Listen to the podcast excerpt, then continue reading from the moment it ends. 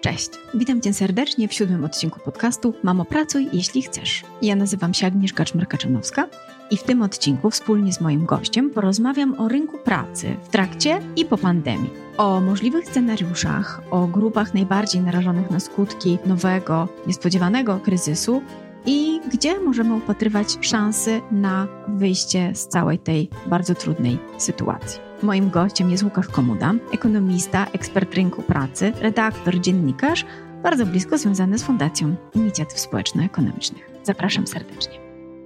Łukaszu, bardzo Ci dziękuję, że się zgodziłeś e, porozmawiać ze mną o rynku pracy, a tak naprawdę bardzo szczególnym fragmencie rynku pracy, o czymś, co mnie jest e, bardzo bliskie i też czymś e, jakby grupą istniejącą na rynku pracy, którą zajmujemy się od 9 e, lat. Co od razu zaznaczę, czyli o kobietach i ich sytuacji na rynku pracy. To nie oznacza, że inne grupy mnie nie interesują. Interesują mnie bardzo.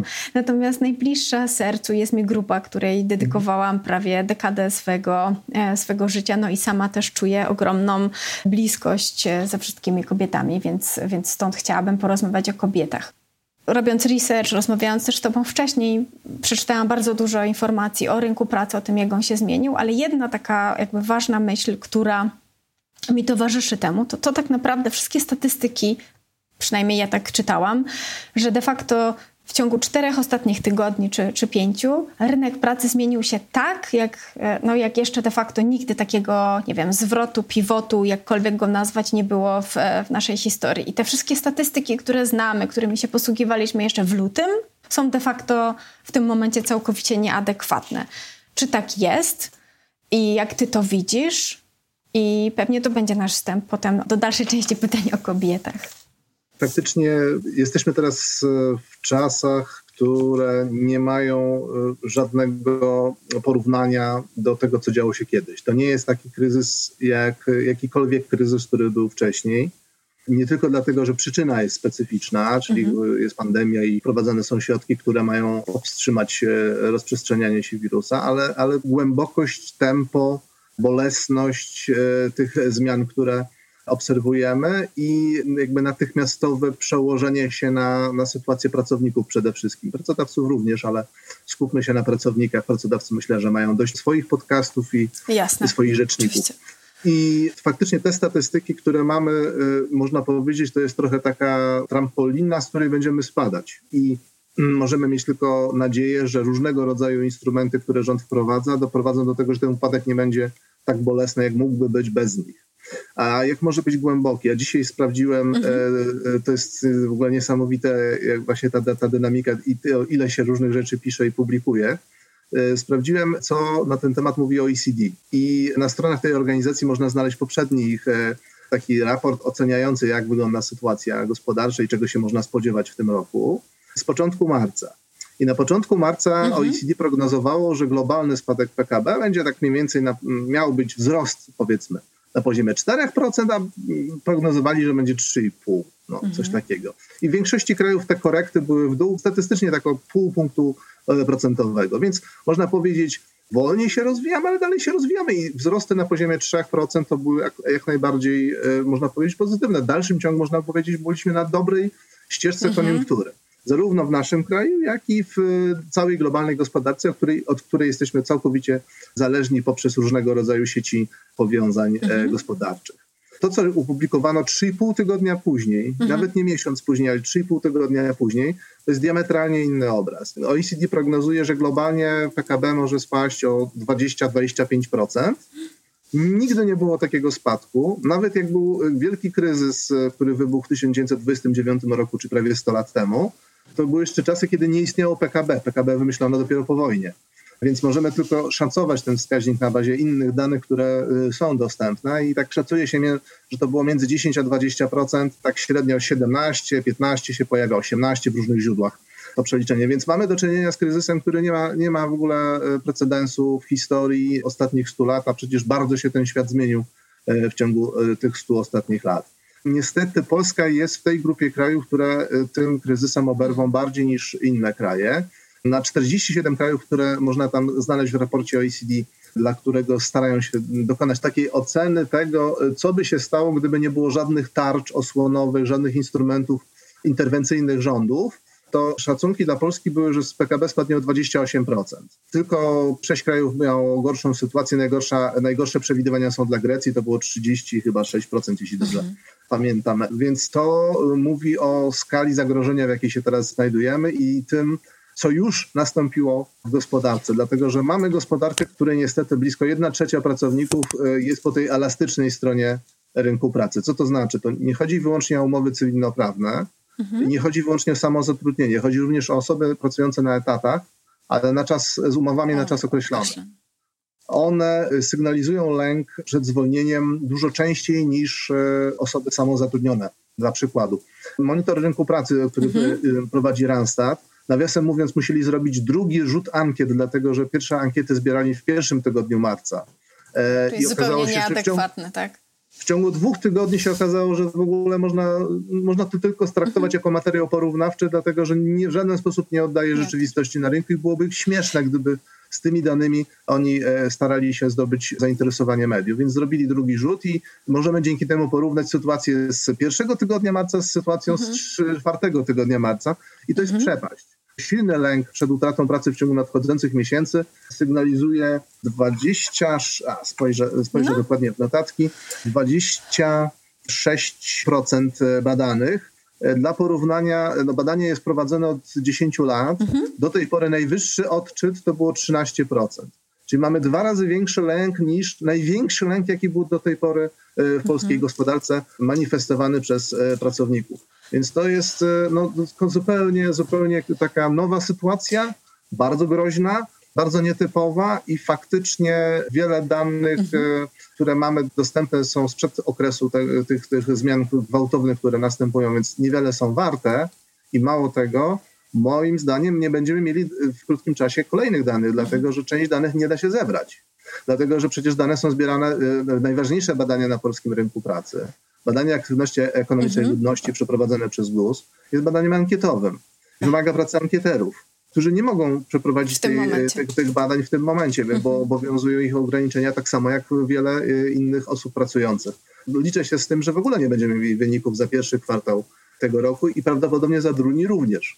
Więc będzie luka, jeśli chodzi o twarde dane, które mhm. do tej mhm. pory nam służyły do tego, żeby komentować rzeczywistość. To, co mamy, to są w dużym stopniu relacje, które można poddawać syntezie i kompilować i na tej bazie starać się zgadnąć, co się dzieje. Sytuacja kobiet, nawet oczywiście na początku marca czy w lutym, tak czy inaczej, nie, nie była rewelacyjna, tak? Ona była zupełnie inna oczywiście od tego. I chciałabym się z Tobą chwilę pozastanawiać właśnie, mhm. jak ta, ta sytuacja się zmieni. Oczywiście już mamy pierwsze sygnały, chociażby o tym, że no, ucierpiała branża hotelarska, ucierpiała branża y, turystyczna, tak? Przeróżne y, tego typu branże, gdzie w większości właśnie to kobiety tam znajdują zatrudnienie, tak? Czy w takich małych sklepikach, w galeriach handlowych, gdzie są panie sprzedawczynie w sklepach odzieżowych i tak dalej, i tak dalej. Ale to są tylko takie pierwsze objawy. Chciałabym trochę głębiej poszperać i, i dlatego ciebie zaprosiłam do tej rozmowy. Co ty widzisz, co obserwujesz?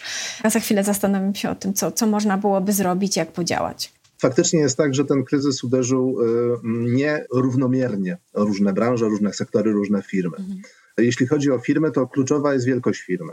Większe firmy mają przeważnie rezerwę finansową, która pozwala na to, żeby ten trudny okres przetrwać i nie rozstawiać się z pracownikami, co nie znaczy, że muszą chętnie z tej rezerwy korzystać. To jest trochę decyzja zarządów, e, właścicieli również. Niestety takie jądro naszej gospodarki to są firmy zatrudniające do 9 osób, ponad 40% pracowników e, najemnych pracuje właśnie w firmach zatrudniających do 9 osób, mhm. czyli mikrofirmach, tak się je potocznie tak. nazywa. I w tym sektorze, owszem, są firmy, które reprezentują tę branżę o wysokiej wartości dodanej, ale to jest raczej mniejszość.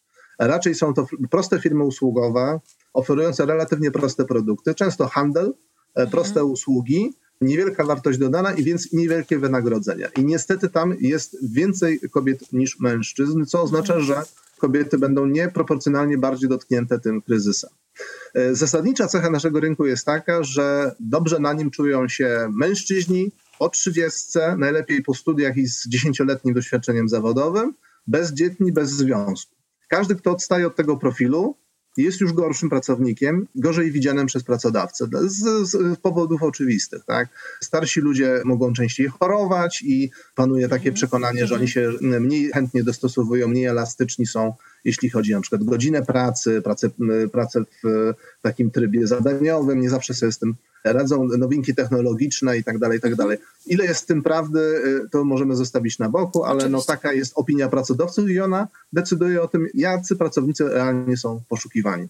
Kobiety z kolei oczywiście tutaj odstają pod tym względem, że są postrzegane jako potencjalne ryzyko, szczególnie dla małej firmy, która nie ma y, setek pracowników, mhm. gdzie ubytek nawet, y, nie wiem, kilkuset kobiet, które przejdą na urlop macierzyński czy wychowawczy, to nie jest luka, której się nie da wypełnić po prostu reorganizując nieco obowiązki pracowników. Jeżeli firma zatrudnia trzy osoby, jedna z nich wypadnie, no to ten problem dla pracodawcy jest zdecydowanie większy i to wie o tym każdy e, niewielki przedsiębiorca. Stąd e, kobiety nie są preferowanym wyborem e, szczególnie przez drobny polski biznes. Więc znowu nieproporcjonalnie bardziej na skutek tego, co się teraz dzieje, mogą być potraktowane przy decyzjach pracodawców, kogo zwolnić pracodawcy mogą preferować tych pracowników, którzy e, są, można powiedzieć, dla nich bezpieczniejsi, wiążą się z mniejszym ryzykiem i tak dalej. E, z punktu widzenia czystego, takiego egoistycznego pojmowania biznesu jest to jakby racjonalne. Z punktu widzenia społecznego, z punktu widzenia etycznego jest to oczywiście naganne, dlatego że mhm. nie uwzględnia tego prostego faktu, że to nie jest wyłącznie biznes, ale to jest pewna rzeczywistość społeczna, w której e, wszyscy żyjemy i w której każdy ma swoje miejsce, więc takie czysto ekonomiczne podejście powoduje, że schodzimy kompletnie na manowce. Takie, tak już kończąc tą dygresję, mam poczucie, że to jest jeden z głównych problemów systemowych, jakie mamy, że w ogóle kwestie etyczne, kwestie moralne wyszły zupełnie poza margines dyskusji o tym, jak działa ekonomia i efekt jest jaki jest. Ja muszę powiedzieć, że ostatnie jakby obserwacje rynku pracy, tu pewnie się możesz oczywiście ze mną nie zgodzić, ale gdzieś widzieliśmy i jakby obserwujemy też w, w, prowadząc portal, mijając oferty pracy, współpracując z pracodawcami, widzieliśmy jakby ogromne zainteresowanie tak naprawdę taką otwartością na, na różnorodność w zespołach, na kobiety, jakby na dostrzeganie wartości płynących z zatrudniania właśnie różnych osób w różnym wieku, o różnych kompetencjach, o różnej płci i tak dalej. I wystraszyłam się tak naprawdę, że w ciągu czterech tygodni tygodni może się okazać, że znowu wrócimy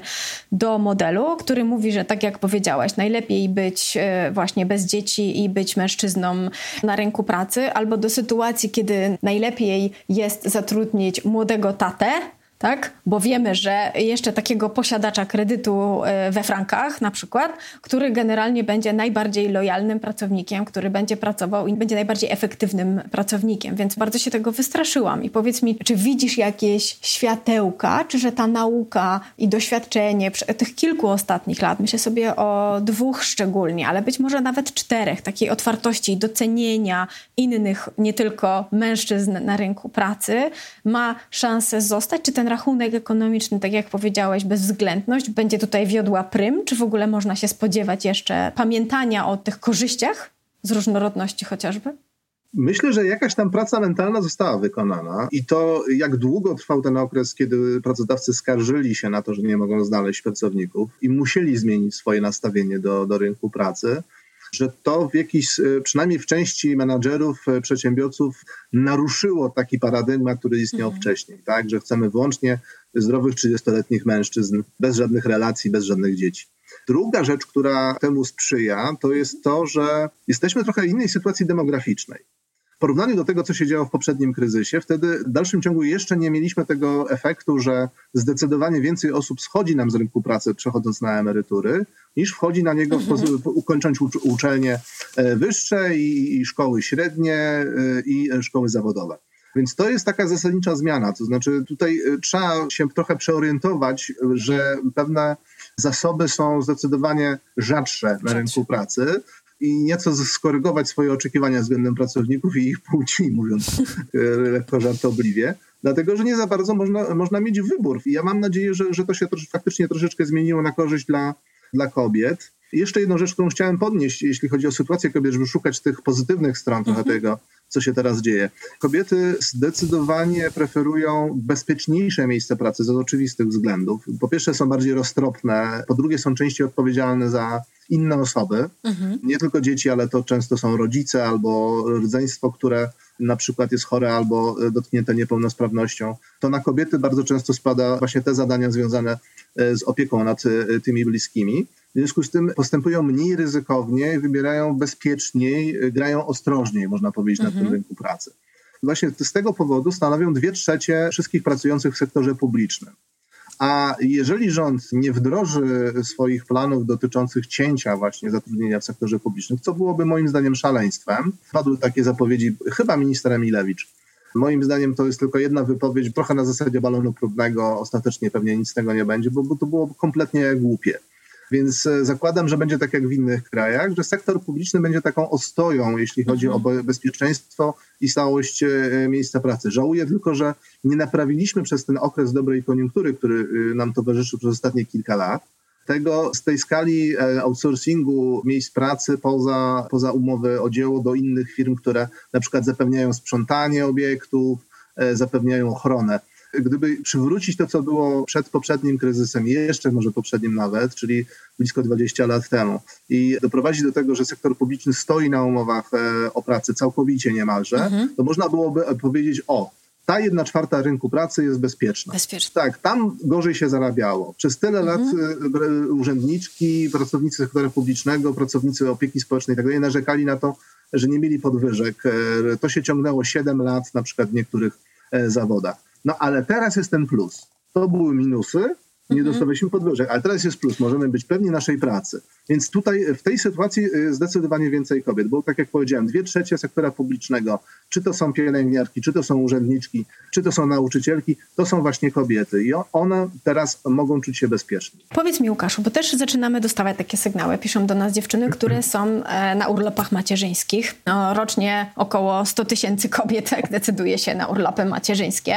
One trwają, jak wiemy, użyję uogólnienia, tak? Urlopy macierzyńskie połączone z rodzicielskimi i wszystkimi innymi generalnie trwające 12 miesięcy, bardzo się boją tak naprawdę o swoje miejsce pracy, bo w momencie, kiedy rozumiem, pracodawca będzie miał do wyboru zwalnianie osoby, której nie widział rok, pół roku, albo może dwa, albo może dłużej, to jest pewnie takie ryzyko, że będzie wybierał i jakby szukał też sposobów, bo to nie jest też takie łatwe, żeby właśnie rozstawać się z tymi, z tymi paniami. Myślę, że rzeczywiście mm, taka może być e, sytuacja i i co tutaj można byłoby zrobić? Tak, jakby co taka hmm. kobieta mogłaby zrobić? Tak, wrócić teraz do pracy, czy też e, brać wychowawczy, żeby przeczekać? Ten lęk jest jak, jak, najbardziej realny, dlatego że nie można tego wykluczyć.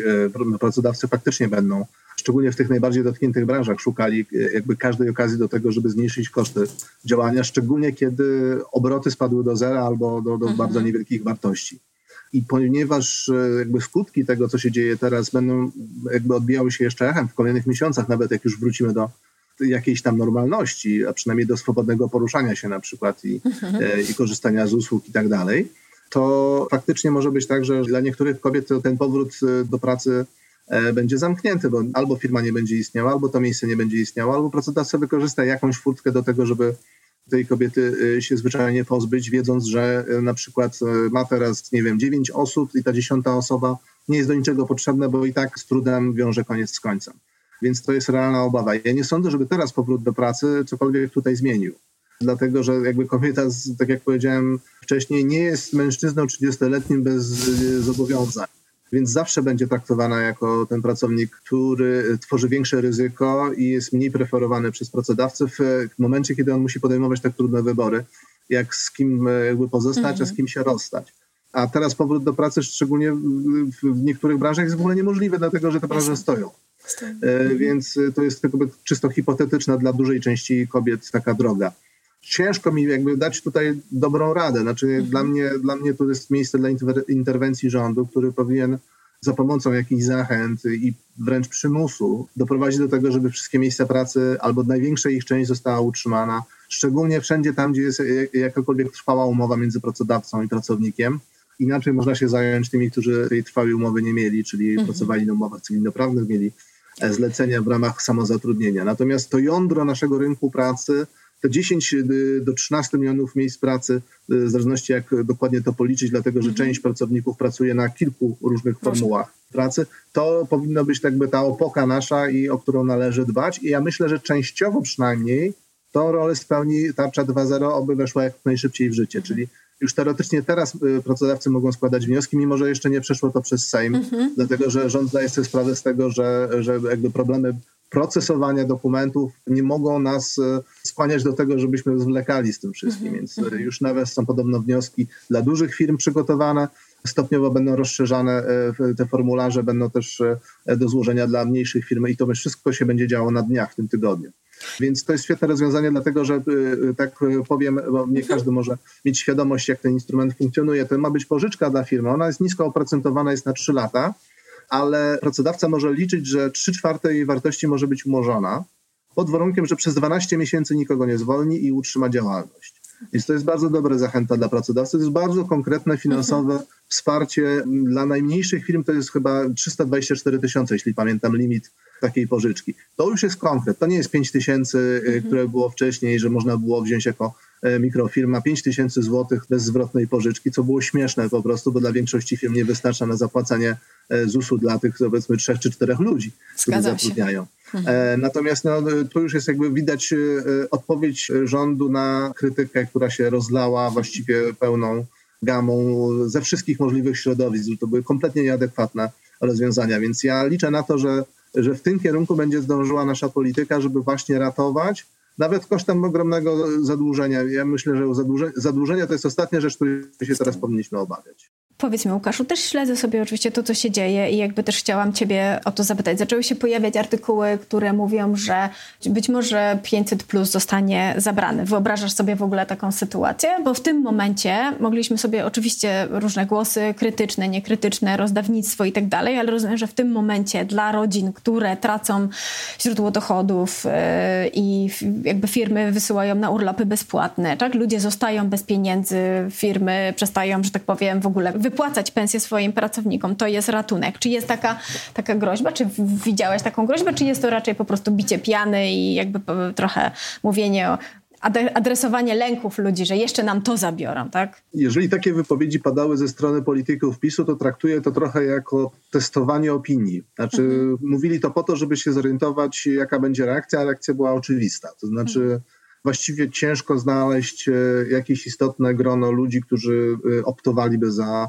cofnięciem czy zlikwidowaniem tego zasiłku, czy nawet zmniejszeniem jego, dlatego że to jest e, istotny element naszej wewnętrznej konsumpcji. Jeżeli mamy nie tylko ratować miejsca pracy, ale też ratować portfele Polaków, Polek i Polaków, którzy potem muszą coś kupić i utrzymać te mhm, miejsce mhm. swoimi zakupami, to obniżanie teraz tego transferu, czy w ogóle likwidowanie tego transferu 42 miliardów złotych, bo na, na tyle zaplanowano 500 plus w budżecie na rok 2020, no to to był nawet nie strzał w stopę, ale to byłoby odrąbanie tej stopy siekierą w nadziei, że się szybciej pobiegnie w ten sposób. Więc e, e, ja e, nie wierzę w to. Jeżeli są w ogóle takie zamysły, to uważam, że są absolutnie idiotyczne i będę bardzo głośno protestował. Ja nigdy nie krytykowałem tego świadczenia. Uważam, że ono ma swoje minusy. Dla mnie głównym minusem jest to, że że jest niezróżnicowane jednak dochodowo. Mhm. W efekcie 10% najzamożniejszych Polaków otrzymuje 15% całej sumy, jaka idzie z budżetu, a 10% najmniej zamożnych Polaków otrzymuje 7% tego, co trafia z budżetu.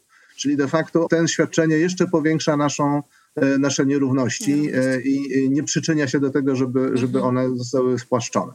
I nie transferuje tych środków tam, gdzie są najbardziej potrzebne. Więc e, mimo tego mojego zastrzeżenia uważam, że jest to bardzo ważny, taki jeden z elementów, można powiedzieć, bezpieczeństwa ekonomicznego wszystkich naszych rodzin, które mają przynajmniej poczucie, ok, to 500 zł, czy na dwójkę dzieci 1000 zł, to jest tak na pewno jest. to, co mam. Całe resztę muszę jakoś zorganizować, nie mhm. wiem, z oszczędności, nawet jeżeli stracę pracę, ewentualnie może jakiś zasiłek czy coś, ale to 1000 zł mam. Nie wyobrażam sobie, żeby rząd e, zaryzykował tutaj wycofanie się z płatności tego świadczenia. Łukaszu, chciałabym tak z Tobą trochę pogdybać. Mając w pamięci wszystkie programy wsparcia dla osób bezrobotnych, dla kobiet bezrobotnych i szkolenia i wszystko to, co się działo też z funduszy europejskich, tak? Przez ostatnie, powiedzmy sobie, 20 lat. Jeżeli teraz się zdarzy sytuacja, że będziemy mieć bezrobocie na poziomie tam dwudziestu kilku procent, o których rozmawialiśmy, pewnie tutaj mnie zaraz, że tak powiem, wyprostujesz moje myśli, ale czy jesteśmy w stanie powiedzieć, które narzędzia były skuteczne tak? albo które okazały się skuteczne w dłuższym czasie, które można teraz, y, wnioskując na bazie tych doświadczeń, zastosować. Jeżeli bezrobocie oczywiście wzrośnie, ale ja mówię, myśląc sobie o kobietach, tak? że pojawi się jeszcze więcej kobiet niż było w trudnej sytuacji, nieaktywnych zawodowo i też decydujących się na zarejestrowanie jako osoby bezrobotne, jakie narzędzia możemy zastosować, które były skuteczne, a może y, trzeba szukać zupełnie innych, zupełnie nowych. No w końcu jakby nauczyliśmy się czegoś przez te 20 lat. Co byś tutaj widział, radził, znając mhm. ten rynek?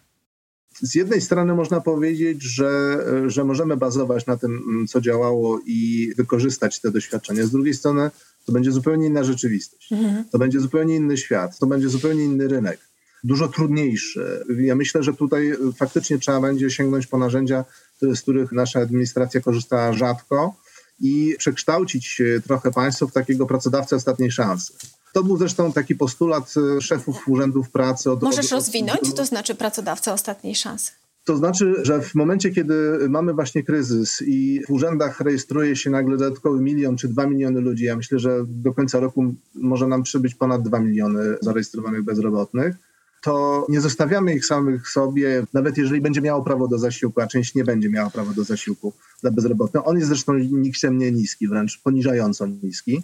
To właściwie można powiedzieć, że on zostawia ich samych sobie. Oni mają może ubezpieczenie zdrowotne, czasami są nękani jakimiś ofertami, które są kompletnie nie dla nich, bo albo są na przykład za daleko i nie ma żadnej komunikacji publicznej, nie da się tam dotrzeć. Zawsze to jest praca za płacę minimalną i przeważnie w żaden sposób nie, nie koresponduje z kwalifikacjami tej osoby, która jest zarejestrowana, więc trudno się dziwić, że jakby frustracja bezrobotnych jest spora w momencie, kiedy takie oferty otrzymują. Teraz jest trochę inna sytuacja i być może jest trochę tak, że, że właściwie każda praca może mieć być na wagę złota. To po pierwsze. Mhm. Po drugie, ja sobie wyobrażam, że, że bez problemu można było zastanowić się, jakie rodzaje prac interwencyjnych można byłoby zorganizować, żeby przynajmniej osoby, które mają niskie kwalifikacje, mogły łatwo tutaj znaleźć zatrudnienie mhm. w organach administracji, w samorządach i tak dalej czy to będzie utrzymanie zieleni, czy, czy jakieś inne funkcje. Nie każdy się nadaje do tego, żeby, żeby ciężko fizycznie pracować, typu kopać rowy, ale e, myślę, że różnego rodzaju zadania można byłoby znaleźć takie, które przynajmniej jedna trzecia tych bezrobotnych mogłaby wykonać. Co do reszty trzeba byłoby się dobrze zastanowić. Ja myślę, że kluczowe jest teraz, e, e, jeśli chodzi na przykład o środki które e, do tej pory były przeznaczane na aktywizację zawodową, między innymi przez ekonomię społeczną, mhm. między innymi przez ośrodki wsparcia ekonomii społecznej, gdzie pomagano zakładać nowe biznesy właśnie między innymi dla kobiet, na przykład samotnie, samotnie wychowujących dzieci. To 100% tych środków powinno być teraz przekazane na ratowanie tych miejsc pracy, które już istnieją. Mhm. Bo to jest w tym momencie absolutnie podstawowa potrzeba na to, żeby nie tworzyć potem nowych biznesów na gruzach tego, co mhm. runęło, mhm. dlatego że nie mieliśmy pomysłu, czasu, głowy trochę do tego, żeby, żeby je podtrzymać przy życiu. Bo to trochę jest y, jałowe działanie, to po pierwsze, po drugie bardzo drogie, no bo budowanie czegoś od początku zawsze jest droższe niż utrzymanie czegoś, co już istnieje. Dodatkowo można sobie wyobrazić, że każdy biznes mógłby mieć jeszcze łatwiejszy dostęp do środków e, właśnie wspierających e, tak, rozwój takiej drobnej przedsiębiorczości po to, żeby mógł zatrudnić jedną czy dwie osoby ekstra. W momencie, kiedy akurat ma szczęście i jest w tej branży, która się rozwija, która, która po tym kryzysie dość szybko staje na mhm. nogi i mogłaby sobie na to pozwolić. To powinno być jakby absolutny priorytet e, naszej polityki po to, żeby zapewnić jak najszybsze odbicie, jeśli chodzi o liczbę osób pracujących po tym, mhm. co teraz obserwujemy. Inne tradycyjne narzędzia, które do tej pory funkcjonowały, można się zorientować po statystykach ich skuteczności, że albo były zbyt wąsko adresowane, albo niezbyt praktycznie skonstruowane. Na przykład było coś takiego jak bon na przesiedlenie. To były środki mhm. finansowe, które się otrzymało, jak ktoś zmieniał miejsce zamieszkania, czyli przeprowadzał się tam, gdzie miał dostać pracę. Tylko warunek był taki, że trzeba było mieć umowę wynajem mieszkania w nowym miejscu, a większość Polaków wynajmuje bez umów mieszkania, więc 90% y, ludzi nie może skorzystać z tej formy świadczenia, dlatego że zwyczajnie nie jest ono dopasowane nie do realiów naszego A rynku. Czy to nie jest można, też... było, można byłoby zdjąć tego typu no ograniczenia. Właśnie, no właśnie, że to nie jest I, ten moment, żeby przejrzeć, wiesz, jakby katalog wszystkich y, jakby możliwości, jakie, nie wiem, były i jakie de facto są w rozporządzeniach, w ustawach i zastanowić się, jak je usprawnić, ulepszyć, a żeby ktoś, kto znalazł pracę w Gdańsku z Krakowa mógł się przenieść i nie musiał pokazywać umowy, tak? Zgadza się. Znaczy, to jest ten moment, w którym tak naprawdę Ministerstwo Pracy mogłoby zgłosić się do różnego rodzaju ciał, które istnieją i reprezentują urzędy pracy, bo oni się też zrzeszają urzędnicy i dyrektorzy urzędów pracy. Oni najlepiej wiedzą, dlaczego pewne rzeczy nie działały i, mhm. i jak niewiele trzeba by było, żeby teraz faktycznie mogły się do czegoś przydać i zupełnie zapomnieć o tym, że na przykład wydamy na ten cel cztery razy więcej pieniędzy niż do tej pory, albo nawet dziesięć razy więcej pieniędzy. To i tak nie były duże środki w relacji do tego, jak na przykład bardzo spadną wpływy do budżetu na skutek potencjalnej zapaści gospodarczej y, i spadku PKB o 25%. Mhm. Więc y, to jest ten moment, kiedy można poluzować te wszystkie cugle biurokratyczne i dać y, jakby większą swobodę, godząc się nawet z tym, że niech będzie, że 10% tych pieniędzy faktycznie zostanie bez sensu wydane albo przejedzone, albo wręcz, wręcz zmalwersowana. To nie jest moment na to, żeby tak dokładnie wszystkim mhm. patrzeć na ręce. To jest moment, kiedy wszyscy powinni mieć jakieś poczucie bezpieczeństwa i wiedzieć, co ich czeka w nadchodzących tygodniach, i to powinno być głównym priorytetem. Czy masz jakąś jedną myśl, tak na koniec, z którą moglibyśmy zakończyć, żeby ona nie była bardzo smutna i przerażająca, ale taka, która daje wskazówkę jakąś i nadzieję, co myśleć, jak działać, albo gdzie, że tak powiem, ulakować te swoje myśli, czy, czy się uczyć, czy się rozwijać, nie wiem, coś, co, coś, co przychodzi ci do, do głowy? Uczyć się zawsze warto, mhm. więc jeżeli ktoś zawsze odwlekał na przykład, y, że chciałby pod, y, przypomnieć sobie swój francuski, angielski czy niemiecki, to jak najbardziej. Y, na pewno nie będzie to kompletnie zmarnowany czas, dlatego że, że nigdy nie wiemy, gdzie będziemy zapracować za pół roku, za rok czy, czy za pięć lat. Więc to zawsze można robić. W dalszym ciągu trwają rekrutacje. Owszem, one są wyciszone trochę, dlatego że firmy nie wiedzą po prostu, co się będzie działo, ale no niektóre firmy dalej działają, funkcjonują i dalej mają wakaty. W związku tak z tym te rekrutacje, rozmowy są oczywiście przez Skype'a i przez inne programy, które pozwalają się widzieć i swobodnie komunikować. Zachęcam do tego, żeby, żeby rozsyłać CV, jeżeli ktoś e, właśnie szuka pracy, żeby się nie zniechęcać tym, bo niektóre firmy normalnie funkcjonują i, i, i dalej zatrudniają nowych ludzi. Także to nie jest tak, że w ogóle wszystko stanęło i nic się nie dzieje nigdzie. Co więcej, jak wszystko ruszy, no to te CV z, z dołu kubki mogą być e, preferowane, bo to są ludzie, którzy już wcześniej się zgłosili, można było, że tak powiem, przejrzeć trochę, przesortować sobie te, te zgłoszenia i wybrać tych kandydatów, do których warto się odezwać, więc tym bardziej warto być pierwszym w kolejce. Jakby to jest taka moja rada. A jeśli chodzi o szukanie tego optymizmu w tej sytuacji dookoła. Po pierwsze, mam nadzieję, że runie to e, nasze patologiczne wręcz dbanie o to, żeby się za bardzo nie zadłużać, nikomu nie pomóc, ale ważne, żeby się nie zadłużyć. Myślę, że jesteśmy takimi ofiarami jeszcze tego zadłużenia gierkowskiego i w dalszym ciągu duża część naszego społeczeństwa, szczególnie starsze osoby, mają poczucie, że to jest najgorsze, co można zrobić, to się zadłużyć. To nie jest ten moment, żeby się nad takimi mhm. rzeczami martwić. Teraz kupujemy sikawki, żeby zgasić pożar, jak nam dom spłonie, to naprawdę cena sikawki będzie zupełnie śmieszna w porównaniu do tego, co straciliśmy. Więc y, ten paradygmat jakby się mhm. usuwa w przeszłość. Wszystkie kraje na masową skalę tworzą swoje programy ratunkowe. One, one przekraczają czasami 15% PKB, więc w ogóle to są nieporównywalne kwoty z jakimkolwiek innym kryzysem. Więc ja liczę na to, że u nas też tak będzie. I są sygnały, że tak będzie, bo faktycznie ta tarcza 2.0 to już jest 100 miliardów złotych a nie 50, a jak niektórzy zaczęli grzebać w tych liczbach, to się okazało, że tak naprawdę to znacznie mniej. Więc e, to jest kolejne źródło optymizmu. Ja liczę, znaczy to, to jest moment próby dla polityków, którzy są teraz u władzy. No jakby teraz albo będą mężami opatrznościowymi i żonami opatrznościowymi, albo jakby będą do końca życia nosili odpowiedzialność za to, w jakim stanie zostawili naszą gospodarkę. Więc liczę na to, że to ich mocno zmobilizuje do tego, żeby działać szybko i sprawnie. A trzecia rzecz, na której bym mhm. pokładał nadzieję, to to, że faktycznie wiele rzeczy się przebuduje na skutek tego szoku, jakiego teraz doznajemy. Pewne rozwiązania, e, być może na przykład redukcja biurokracji albo na przykład te pożyczki, które są w tarczy 2.0 są w ogóle organizowane przez banki. Przedsiębiorcy będą składać wnioski do banków, tam gdzie mają swoje konta.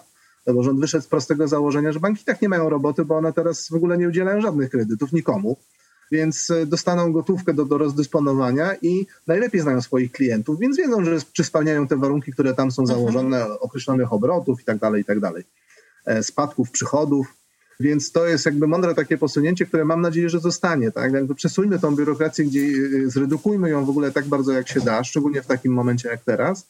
Przesuńmy rozliczenia z tymi, którzy ewentualnie coś tutaj próbują z tymi pieniędzmi nielegalnie zrobić na później, a jakby dajmy jak najwięcej pewności wszystkim tym, którzy uczestniczą w życiu gospodarczym i że to stanie się taką uniwersalną zasadą. Tak, więcej odwagi, mhm. więcej takiego przekonania, że wiemy dokąd dążymy, i to całe podejście od góry na dół się y, przeleje. I mam nadzieję, że, że, że, że właśnie to się stanie w nadchodzącym tygodniu, dwóch, trzech.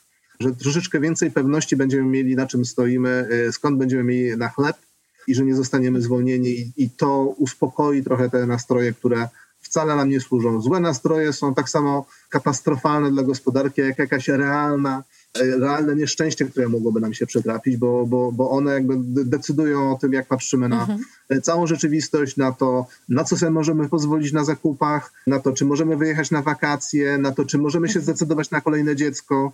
To są bardzo, bardzo ważne tutaj rezultaty takiego właśnie pogorszonego nastroju, który trwa. Im bardziej się mhm. poprawi, tym lepiej, więc optymizmu. bardzo dziękuję Łukaszu. Myślę sobie, że to myślenie pozytywnie i szukanie pozytywów ma jeszcze dodatkowy wymiar i znaczenie tak naprawdę w tym, żeby jakoś lepiej przezwyciężyć ten kryzys, jakim mamy teraz do czynienia i po prostu być uważnym na to, co się dzieje, patrzeć, reagować, no i zobaczymy, tak? Zobaczymy za dwa, trzy tygodnie, tak jak mówisz, co, co będzie dalej i tego spokoju nam bardzo życzę. Ja Tobie mm, bardzo a jeszcze, dziękuję. A, a, jeszcze jedną rzecz, jaką jeżeli chciałbym powiedzieć, y, czego bym sobie życzył, na co mam nadzieję w związku z tym y, całym zamieszaniem, którego doświadczamy, to jest to, że mam nadzieję, że będę widział coraz więcej kobiet pośród tych osób, które decydują o tym, w jaką stronę zmierza nasz kraj i głos będzie bardziej słyszalny, dlatego że e, jakby potrzebujemy więcej kobiet. Szczególnie w takim momencie, jak, jak teraz, moment kryzysowy, orientujemy się, jak ważna jest roztropność, jak ważna jest odpowiedzialność za inne osoby.